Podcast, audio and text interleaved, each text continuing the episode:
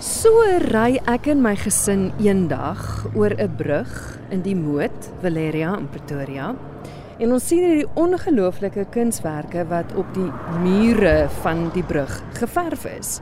En ek kon dit toe regkry om die kunstenaar op te spoor wat verantwoordelik is vir hierdie ongelooflike mooi werk. Ek gesels met Elsie Waig wat verantwoordelik is vir hierdie mooi kunswerk. Elsie, hoekom het jy besluit om 'n brug te verf? Wat als begin?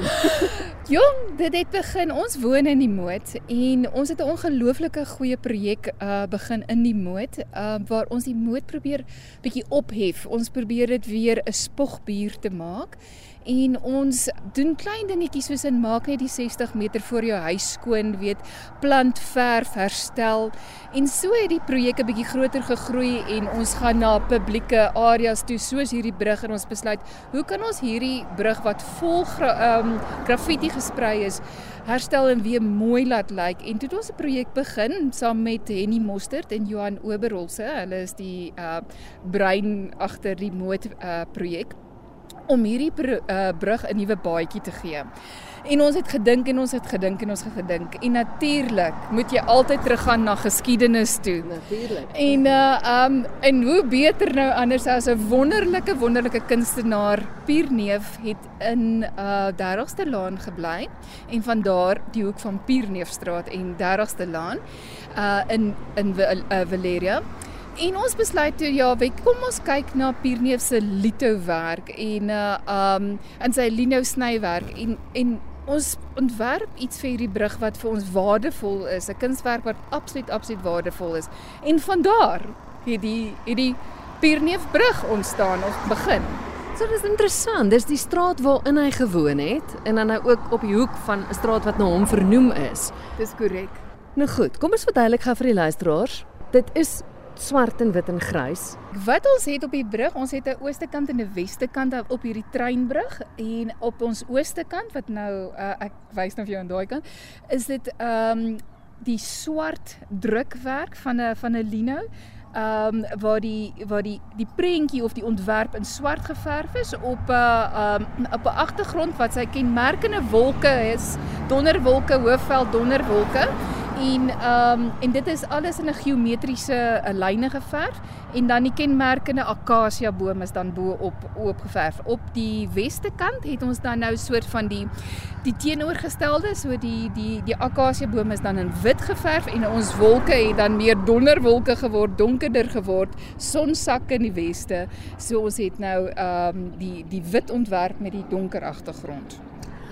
Ah, en dis so kenmerkend, soos jy sê, dis die bome, so wat so eie is aan aan sy werk. Dit is die akasia ja. boom waarvoor hy baie lief was. Kyk, Pierneef het maar sy onmiddellike omgewing gevat en en hy het daarmee gewerk en hy het 'n absolute kenmerkende styl en dit is 'n baie geometriese lyn, baie argitektoniese lyn wat jy kan kan beskryf.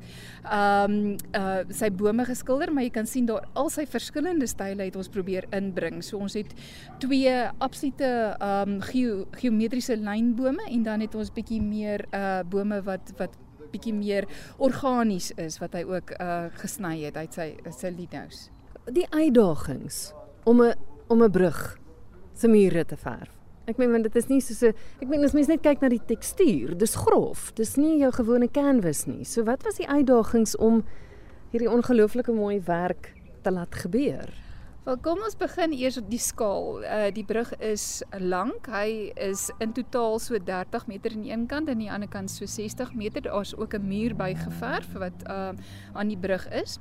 Dan op om op groot skaal te werk is is werklik waar 'n uitdaging, maar omdat omdat jy met 'n organiese proses werk, um is kan jy kan jy jou skaal nogals bepaal.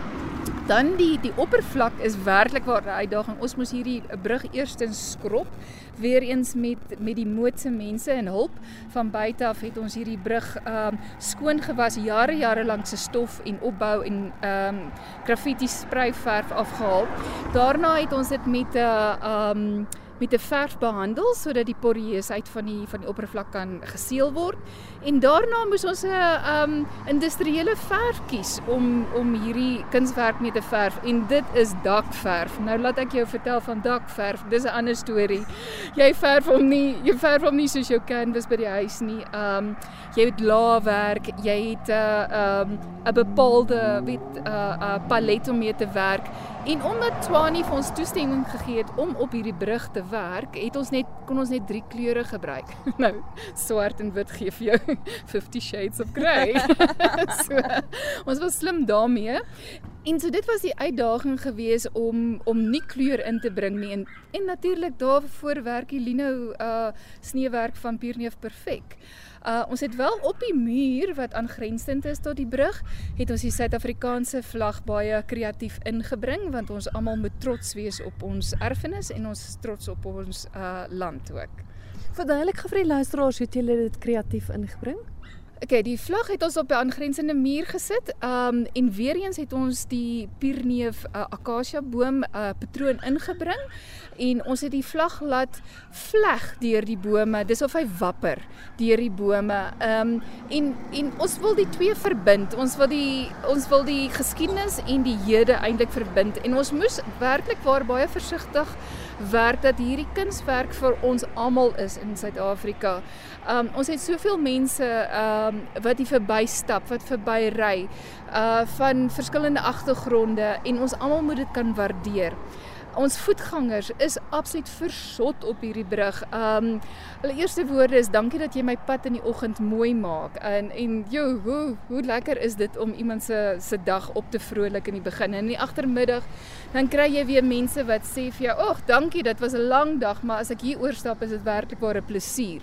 Dit maak hulle ook trots om in te kom in ons omgewing in en ons soek mense wat trots is om om hier te kom werk. Al is jy nou 'n dagloner, as jy 'n uh, permanente inwoner, ons moet ons omgewing terugvat en ons moet iets maak van hierdie omgewing. Is dit die eerste brug wat jy gele geverf het? Dit is die tweede brug op 24ste Laan het ook 'n uh, die die mootprojek 'n uh, 'n kunstenaar gevra en hulle het 'n um, 'n brug baie speels geverf. Die het uh so 'n digitale oogies op wat regtig waar vir die jonger 'n uh, geslag uh, gekenmerk is en dit is ook naby 'n skool. So uh, ons probeer oralste die die brug aanpas vir die omgewing en natuurlik die geskiedenis wat wat daar diep raak. So ons wat ons probeer doen is ons ons probeer al hierdie brûe en ek dink daar is 7 of 8 brûe te verf dat dit 'n regtig ware meander word van van kuns deur ons omgewing. Ons kyk na die geskiedenis van ons omgewing, ons kyk na die straat se geskiedenis, ons kyk of ons dit nie iewers kan aan vasheg nie om dit meer waarde te gee.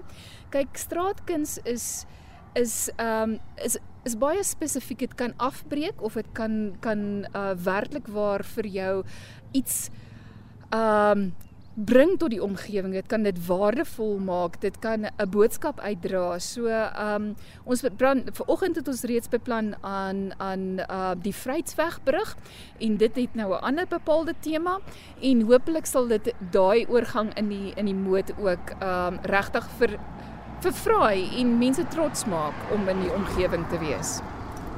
Uit die aard van die saak is dit vir die mense in die omgewing soos jy sê wat hulle dag op vrolik, maar tog ook dat mense kom kyk, né?